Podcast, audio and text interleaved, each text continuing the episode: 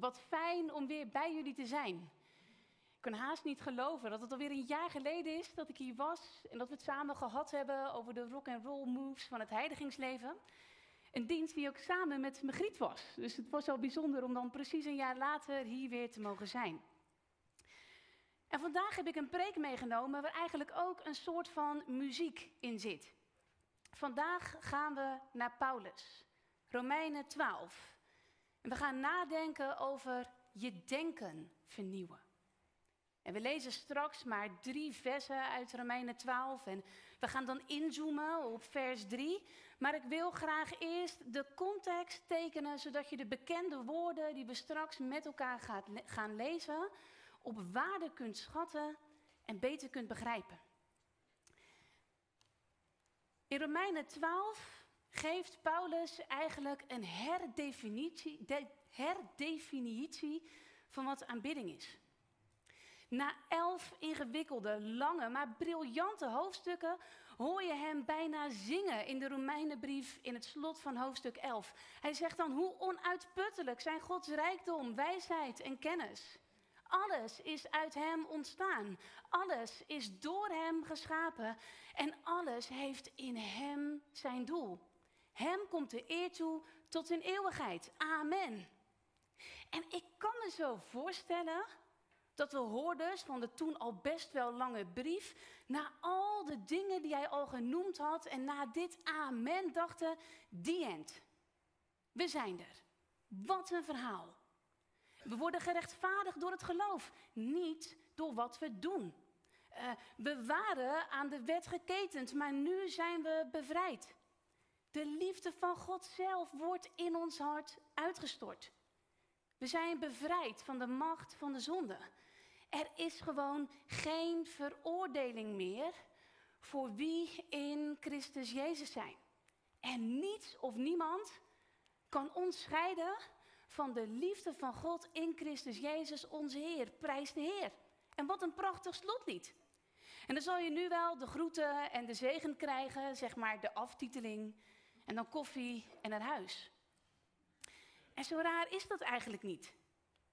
Want ik kan mij toch niet aan de indruk onttrekken dat veel christenen eigenlijk ook vandaag denken en leven alsof het verhaal hier stopt. Veel christenen die ervaren het geloof als een persoonlijke keuze, een privé-aangelegenheid. Waar alles draait om, om ik en mijn redding, Gods liefde voor mij, Jezus voor mij, genade voor mij. Zo prachtig. En daar zingen we dan over. En we denken, amen, goed zo, klaar. Maar Paulus gaat verder. Hij laat ons niet naar huis gaan met een theoretisch verhaal maar hij maakt het verbluffend en verbazingwekkend praktisch voor ons allemaal. Paulus roept ons op in, in hoofdstuk 12, vers 1 tot en met 3 om in alles wat we met onze lichamen doen, een levend, heilig en God welgevallig offer te zijn. Want dat is aanbidding. Dat is de eredienst. Hij zegt eigenlijk, joh, aanbidding, dat begint niet op zondagmorgen om half elf en het stopt niet als we rond een uur of twaalf naar huis gaan. Nee, het start eigenlijk zodra je naar buiten gaat en je daar het met God leven leeft, met alles wat je met je lichaam doet. Laat dat eens tot je doordringen. In alles wat je met je lichaam doet. Met je handen. Wat je oppakt, vasthoudt, loslaat. Met je vingers wat je typt op social media. De toon in de e-mail die jij verstuurt. Met je ogen. Waar kijk je naar? Wie zie je? Wat zie je? En wat laat je op je netvlies binnenkomen? Maar ook met je voeten. Waar brengen ze je? Waar loop je naar binnen? Waar blijf je stilstaan? Met wie loop je mee? Met je stem, zeker. Hoe zing je over de Heer in aanbidding? Maar ook, wat spreek je en wanneer zwijg je? En Paulus die nodigt ons om, om net als Jezus in alles wat we met ons lichaam doen, lief te hebben tot het uiterste. Want dat is voor God aanbidding. En wat gaat er gebeuren als we dat gaan doen? Wat gaat er gebeuren als we onze dagelijke gesprekjes bij het ontbijt en bij het avondeten gaan zien als momenten van aanbidding voor God? Wat als je hond uitlaat in de stortregen? Een boodschap halen die je partner is vergeten. De was opvouwen, je vuil sorteren, de afwas doen. Je bezoek aan de tandarts, het gesprekje met iemand in het park. Allemaal momenten van aanbidding zijn. Met aandacht, echt luisteren naar de ander. Jouw houding in de traagste rij bij een kassa. Jouw reacties op social media. Koffieschenk in de kerk, zeker. Maar ook de derde beker appelsap opdwijlen die je zoon of dochter heeft omgestoten. Het zijn allemaal kansen om lief te hebben. En dus momenten van aanbidding, zegt Paulus. En als je in Jezus gelooft, zegt Paulus, dan leef je namelijk niet meer voor jezelf. Want Jezus zelf, die komt met zijn geest in ons. En wij samen zijn nu het lichaam van Jezus op aarde. En het is de bedoeling dat we, om in jullie jargon te spreken, vernieuwend bewegen. En in de rest van hoofdstuk 12 schetst hij dan ook hoe dat nieuwe leven waarin we als het lichaam van Christus bewegen eruit ziet. We zijn dan mensen die, die bijstand verlenen, die praktische hulp bieden aan elkaar daar waar het nodig is. Hij zegt, we delen uit zonder bijbedoelingen. We huilen met wie huilt, we vieren feest met wie blij is. We hebben vijanden lief. We vergeven. Iedereen mag steeds weer opnieuw beginnen. En net als Jezus weigeren we te oordelen. En dat maakt ons een veilige plek voor mensen om bij ons te schuilen en op adem te komen. We zijn gastvrij. We bekommeren ons over de noden en zorgen van de ander en we helpen waar we kunnen. We beantwoorden kwaad door goed te doen en we blijven dat doen. En dit liefhebben tot het uiterste leven, dat is een leven vol risico's. Maar we zouden niets anders willen of kunnen. Want Gods liefde brandt in ons hart. En we laten ons leiden door de geest. En die geest die leert ons om lief te hebben zoals God lief heeft. En dit alles doen we, zegt Paulus dan tot slot, vanuit de houding die we van Jezus leren. Nederigheid. Iets met makarios en zachtmoedig zijn van hart. En Paulus die, die roept ons zeg maar op om onze lichamen in dienst te stellen van een groter lichaam, het lichaam van Jezus. Maar hij weet dat dit nieuwe leven als gedrag op ons heiligings-to-do-lijstje zetten kansloos is. Dat nieuwe leven, dat nieuwe gedrag, dat kunnen we niet als een extern element aan ons leven toevoegen of op willpower volhouden. Het moet van binnenuit komen. We kunnen niet zelf als Jezus leven en God onze naaste en onszelf leren liefhebben tot het uiterste, tenzij we ook in ons denken vernieuwd worden. En vandaag staan we dan ook stil bij waarom dat zo belangrijk is. Waarom moeten we nu ons denken vernieuwen en vervolgens ook, hoe doe je dat dan? Hoe gebeurt dat dan? Hoe denk je nu overeenkomstig het geloof? De maatstaf die God ons heeft gegeven. Zoals Paulus het zegt in onze tekst in Romeinen 12, vers 3. Nou, voordat we daar echt in gaan duiken, wil ik jullie iets vertellen. En het lijkt waarschijnlijk volkomen random, maar het komt goed. Emma, onze dochter, is een groot fan van Koningsdag. En dat begon bij haar toen ze nog maar 2,5 was. En dat is eigenlijk altijd zo gebleven. Nou ja, Emma heeft denk ik bijzonder weinig met het Koningshuis zelf. Ik denk dat ze niet eens alle prinsessen op kan noemen. Maar als zij ergens van houdt, dan is het wel van muziek van dansen, van de hele dag spelletjes doen en taart. En dat kwam voor haar allemaal heel bewust bij elkaar op Koningsdag. En het was op slag haar favoriete dag. En op de stampertjes, zo heette de groep van het medisch kinderdagverblijf waar zij heen ging, waren ze in volle voorbereiding om de Fitlera in te studeren bij de Koningsspelen. En dat vond ze helemaal fantastisch. Je ziet trouwens een foto van haar eerste bewuste Koningsdag, maar ook van de meest recente. We waren met elkaar op familieweekend en na het oranje gebak stond ze vooraan en kreeg ze iedereen mee om de zigzag met haar te dansen, waarna we in teams de hele dag spelletjes gingen doen. Beste weekend ever, zegt ze nog steeds. Maar goed, terug naar haar eerste Koningsdag, de Fitlala. Die werd dus in Huizen Oosterwijk non-stop gedraaid. We moesten en zouden elke dag die Fitlala oefenen. Het hoge aantal hits op YouTube is gewoon dankzij Emma. Echt dagenlang klonk het. We swingen ons fit lala, we zingen ons fit, ja ja. We springen lekker in het rond, yes daarom, parom pom pom. Sterke tekst ook. En ik kan je vertellen dat dit nummer een serieuze workout is. je moet springen, swingen, zingen, handen omhoog, zwaaien van links naar rechts. Dan denk je, nou, dat gaat nog wel. Ja, dat klopt. Maar je moet ook joggen, bouncen. Dan doe je de cha-cha-cha. Dan maak je een slijt en een shuffle. En als die lukt, dan geef je elkaar ter plekke in je dans een knuffel. Maar goed, na een paar dagen die Fitlala op repeat, duurde het niet lang voordat ik met dat nummer in mijn hoofd zat. Ken je dat? Dat er een nummer in je hoofd zit en dat je steeds opnieuw begint te zingen en dat je daar maar niet mee kan stoppen. En zodra Emma mij dan een regel hoorde zingen, dan ging zij weer yes daarom, parom pom pom. En dan zingen en dansen we die hele fitlala weer van vooraf aan. En in het begin is dat best nog wel leuk. Maar na een tijdje wordt het irritant. Terwijl ik met andere dingen bezig ben, zit dit lied zo hardnekkig in mijn denken. En ja hoor, in de rij bij de kassa, op de fiets, als ik sta te koken, ineens hoorde ik mezelf dat lied weer zingen. Maar nu ben ik dus niet de enige die hier wel eens last van heeft. Dit is dus echt een serieus verschijnsel. Er wordt zelfs onderzoek naar gedaan bij de University of Amsterdam. Het komt vaak voor dat een lied op de repeatstand staat in ons denken. En dat wordt dan ook wel een oorworm of een brain itch genoemd.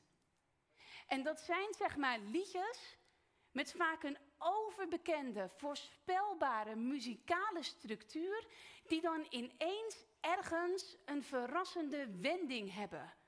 Een zogenaamde hoek. En die schijnen dan een afwijking in de muziek te hebben, waardoor je hersenen het niet volledig kunnen afsluiten en het als in een loop constant blijven herhalen. En de meest effectieve manier om daarvan af te komen, hebben ze ontdekt, is bewust naar een ander lied luisteren. Bewust naar een ander lied luisteren. Niet oppervlakkig iets aanzetten, maar er echt voor gaan zitten. Naar de tekst en de melodie luisteren en daarover nadenken. Het tot je door laten dringen. Dat helpt. Dat stopt die oude loop.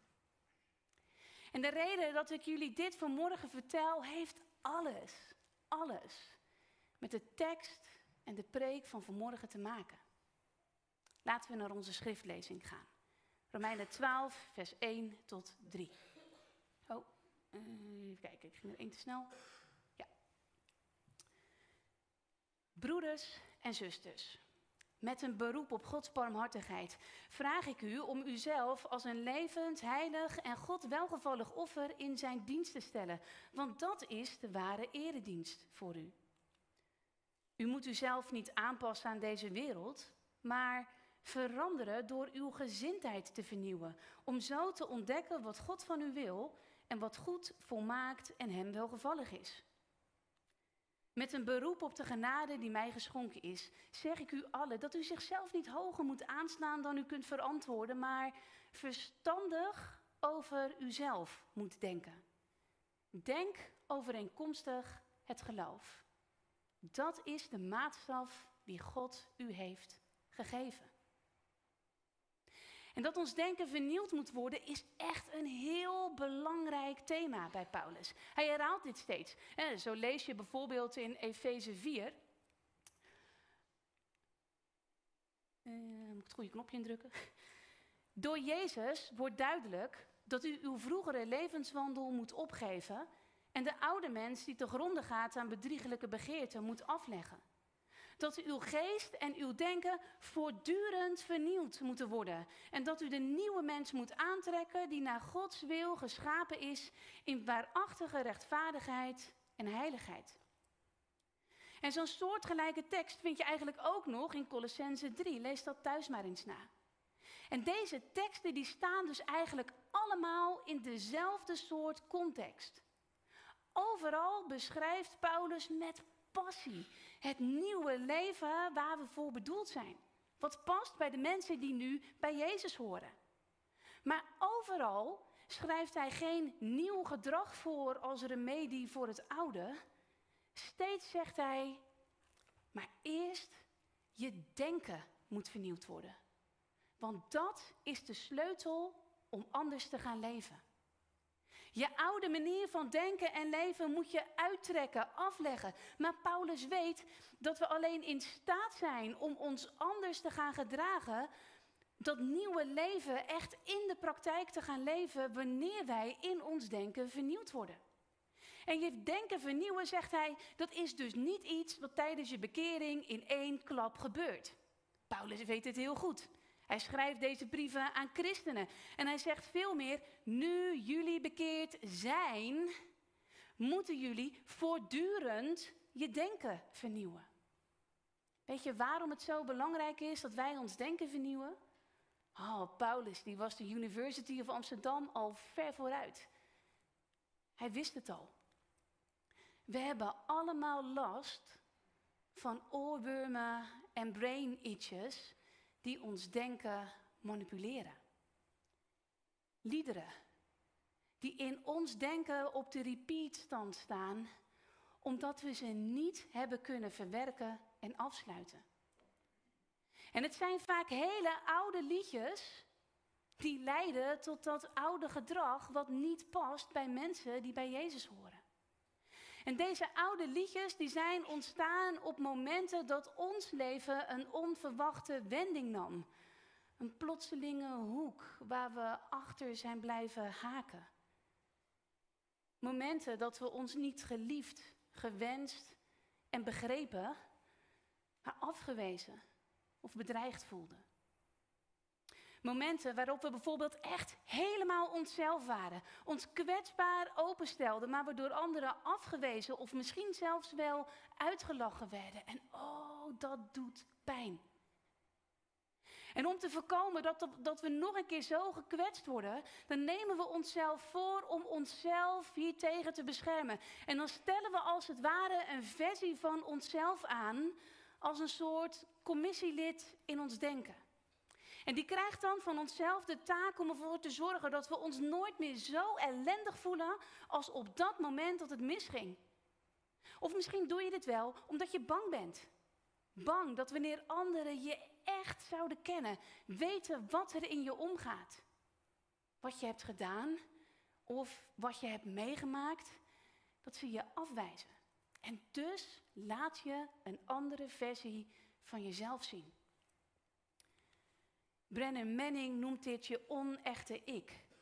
Dat leeft vanuit een dwangmatige behoefte om de buitenwereld een perfect beeld te tonen, zodat iedereen ons zal bewonderen, maar niemand ons werkelijk zal kennen. En die onechte versies van onszelf, die nemen hun taak dus bloedserieus. En ze zingen in jouw denken hun eigen lied om jouw gedrag te sturen. En dat lied, dat is dus als een oorworm, een brain itch, de hele dag door in je denken aanwezig. En voor je er erg in hebt, zing je ineens dat lied hardop mee. Misschien denk je, Sil, waar heb je het nu concreet over? Nou, mag ik je aan een aantal versies van jezelf, die als het ware als, als commissieleden in je denken kunnen zijn aangesteld, voorstellen? We beginnen met een impressiemanager. Oh, die is druk. Deze wil je altijd, overal goed voor de dag laten komen. Je wil door mensen grappig, zorgzaam, vriendelijk, interessant gevonden worden. En het refrein bestaat uit zinnen als: Er bestaat geen tweede kans om een eerste indruk te maken. Shine. En heb je ijdel vertoon? Grijs of kaal worden op je dertigste? Überhaupt ouder worden? Maar ook een weegmoment kan dit commissielid het hoogste lied in jou laten zingen. Want ijdelheden zijn enorm sterke veroordelers. Of misschien herken jij in jezelf een kritische aanklager. Heel vals lied. Herken je zo? Breng steeds fouten uit het verleden in je herinnering. Het zingt maar door over je gebrek aan kwaliteiten. Waarom zou jij het proberen? Je faalt toch. Hier, jij, jij maakt nooit iets af, loser. En velen van ons hebben ook een entertainment junkie of een afleider. Dat is zeker een denken wat in onze tijdsgeest, in onze cultuur extreem sterk aanwezig is. Deze vult alle stiltes, zorgt voortdurend voor afleiding, maakt ons overgevoelig voor prikkels, zodat niets te dichtbij komt of naar boven kan komen. In Canada hebben wetenschappers een groot onderzoek gedaan naar hoe lang wij vandaag de dag onze aandacht geconcentreerd kunnen vasthouden door de hersenactiviteit van mensen die aan het werk zijn te meten met een EEG. Het werd gepubliceerd in de Times. En al jaren loopt dus onze aandachtspan terug. We zitten nu op een gemiddelde van 8 seconden. En even om dit in perspectief te plaatsen, een goudvis zit op 9. Lieve mensen, serieus, we leggen het af tegen een goudvis. Zo vreselijk overprikkeld en zo snel afgeleid zijn wij. Verdeelde aandacht in ons denken is in onze tijd blijkbaar het nieuwe normaal. En wat denk je van de perfectionist? Werkelijk niet opnieuw te krijgen. Gunt je nauwelijks een moment stilte en rust. Er is altijd wel ergens iets op aan te merken. En dit zijn maar een paar voorbeelden. Het is ook heel goed mogelijk dat je externe commissieleden in je denken hebt geadopteerd. Een dominante vader of moeder, waarvan je zo graag wilt dat ze trots op je zijn. Een baas of iemand met wie je een conflict hebt, met wie je in je hoofd voortdurend gesprekken voert om je gelijk en je waarde te bewijzen. En lieve mensen, woorden hebben kracht. Misschien zijn er in jouw kindertijd of jeugd wel dingen over je uitgesproken die jou hebben beschadigd. Die nog altijd op repeat staan in je denken. Die steeds weer een negatief zelfbeeld laden. Die jouw potentieel en groei in Christus mens zijn zoals God jou heeft bedoeld, belemmeren. Oh, wat kunnen we worstelen met onze gedachten? Al die versies van onszelf en commissieleden in ons denken die aan tafel zitten en voortdurend overal doorheen tetteren. Ze zijn als oorwormen en brain itches in ons denken die ons gedrag, hoe we naar onszelf en hoe we naar anderen kijken, voortdurend beïnvloeden. En het is dus belangrijk dat we beseffen dat deze versies van onszelf een innerlijke behoefte of pijn in ons vertegenwoordigen die nog moet worden genezen.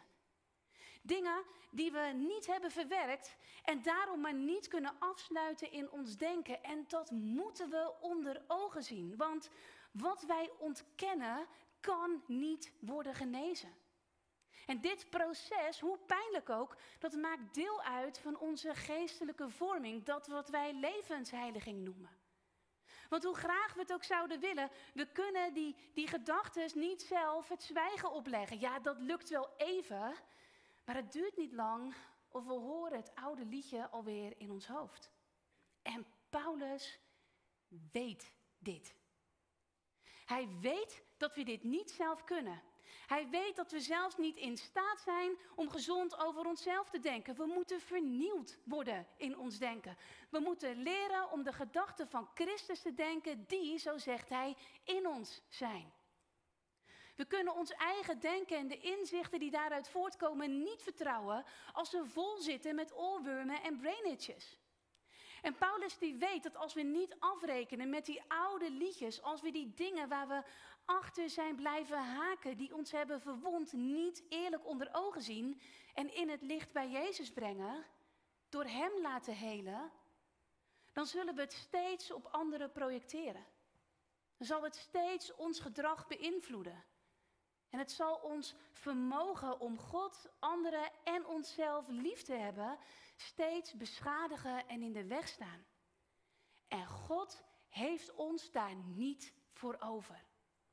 God wil ons van binnenuit helen, ons denken vernieuwen, zodat we in staat zijn als vanzelf, van binnenuit, vanuit verlangen in volkomen vrijheid, lief te hebben.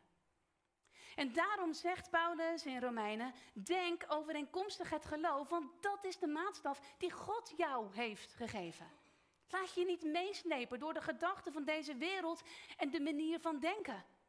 Luister niet langer naar leugens. Leer je denken in overeenkomst te brengen met het geloof, volgens je geloof, je vertrouwen in God. Laat de woorden en de gedachten van Jezus jou vormen. En Paulus die zegt dit niet makkelijk of hooghartig. Hij is zelf ook door dat proces heen gegaan. En daarom weet hij zo goed dat dit nodig is.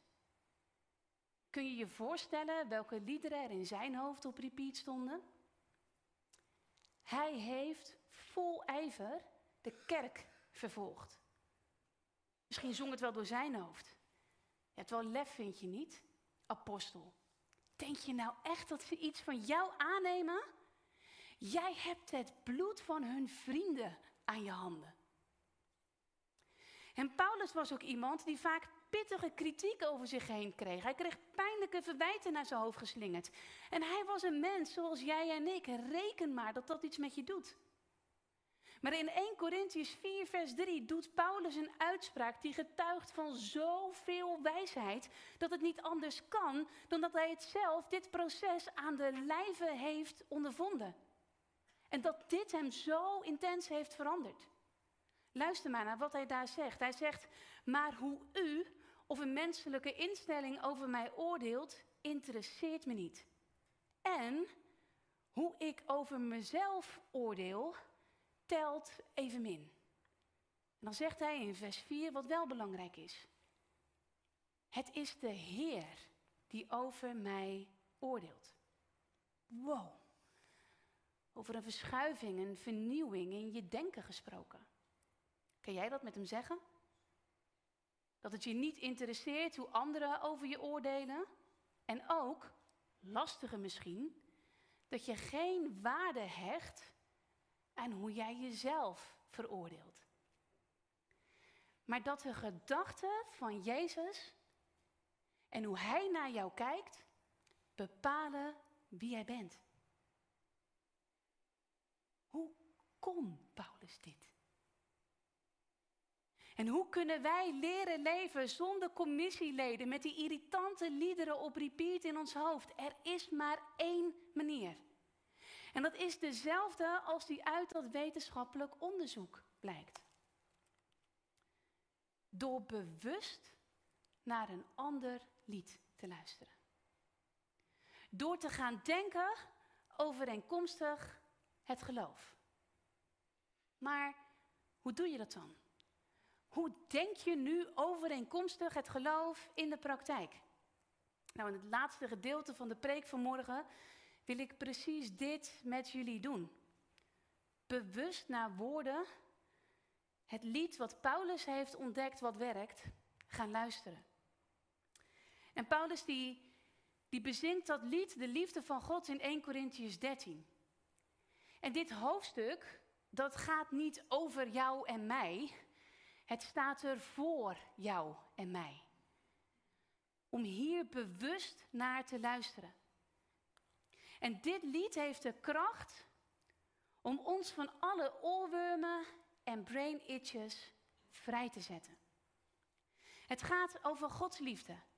En door, door deze liefde vernieuwt de geest ons denken en vormt hij ons naar het beeld van Jezus, wat tot nieuw gedrag zal leiden. En omdat we overal in Gods woord steeds weer ontdekken dat God liefde is, kun je overal waar liefde staat in 1 Corinthians 13 ook God erbij lezen. En luister dan eens naar wat er met dit lied gebeurt. Lieve mensen, God is geduldig. God is barmhartig en vol goedheid. God is vriendelijk. God is niet afgunstig. God kent geen ijdel vertoon. God is niet arrogant. God is niet grof. God is niet zelfzuchtig. God raakt niet snel beledigd. En God houdt geen lijstjes of scoren bij van onze zonden en fouten. God koestert geen wrok. God verheugt zich niet over onrecht. God vindt vreugde in de waarheid. Alles verdraagt Hij. Hij gelooft in ons. Hij heeft hoop voor ons. En Hij is er altijd voor ons. En mijn vraag vanmorgen aan jullie is: geloof je dat? Geloof je dat echt? Wat zou er in je leven, in je denken veranderen als je dit echt gelooft? Denk je daar wel eens over na in Gods nabijheid?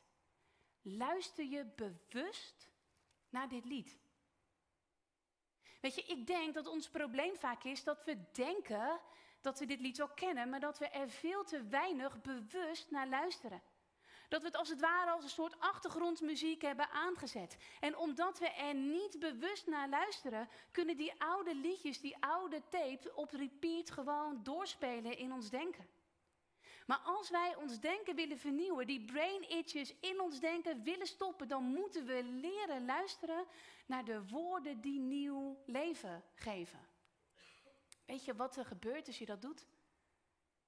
Als de criticus in jou zijn lied zingt over fouten en zonden in je leven die je jezelf maar niet kunt vergeven, dan zingt Gods liefde: Ik houd geen lijstje of score bij van je zonden. Je bent vergeven, dat is de waarheid. Leef in vreugde, vrij van schuld en schaamte, want ik heb je zonde geworpen in de diepste zee en daar heb ik het bordje verboden te vissen bijgezet. En als de impressiemanager in jou de hele dag door instructies geeft over hoe jij je moet gedragen om door anderen gelijkt te worden. Of als woorden van afwijzing die tegen en over jou zijn uitgesproken je zo hebben beschadigd en je ze maar niet los kunt laten, dan zingt Gods liefde. Ik had je al lief nog voordat je bestond. Ik heb jou gevormd. Ik ken al je gedachten. Je hoeft geen indruk op anderen of op mij te maken om die liefde en waardering te vinden waar je zo intens naar verlangt. Snap je het niet? Die heb je al. Ik hou zo ontzettend veel van jou. Ik ben blij met jou, trots op jou. En als de perfectionist in jou je als je eigen slavendrijver opjaagt met dat beklemmende gevoel dat het nog niet goed genoeg is, dat het altijd beter kan, dan spreekt Gods geduldige liefde, relax, het is oké. Het gaat er niet om dat jij in alles goed bent, maar dat je van God bent. En als jij dat wat je doet vanuit liefde, dan is het voor mij perfect. En onthoud altijd dat in jouw zwakte mijn kracht zichtbaar wordt. Wees niet bang, ontspan, ga en leef met de moed van imperfectie. En dan sta je helemaal naakt voor een spiegel en bevalt het je niet wat je ziet. God houdt van je zoals je bent. Hij houdt niet meer van je als je afvalt en niet minder als je aankomt. Zie je hoe de waarheid van Gods woord, van Zijn liefde, ons denken verandert.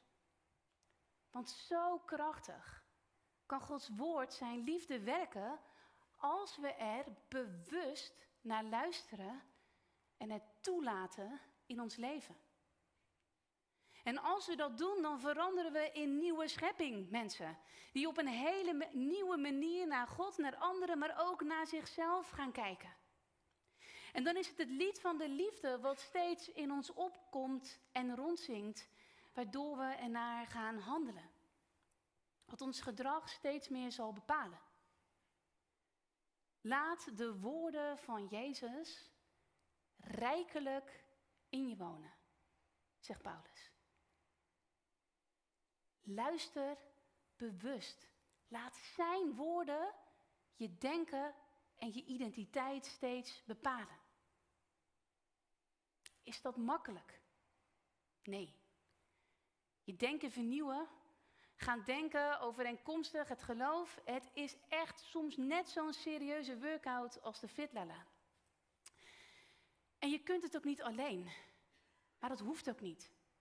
God heeft ons elkaar gegeven. Worstel niet alleen. Blijf er niet alleen mee rondlopen als het even niet lukt. En weet dat we allemaal voortdurend ons denken moeten vernieuwen. Kijk eens om je heen, je bent niet alleen. Laat het weten als je vastzit. Als je ergens achter bent blijven haken en er maar niet voorbij kunt komen. Want daar zijn de gemeenten voor.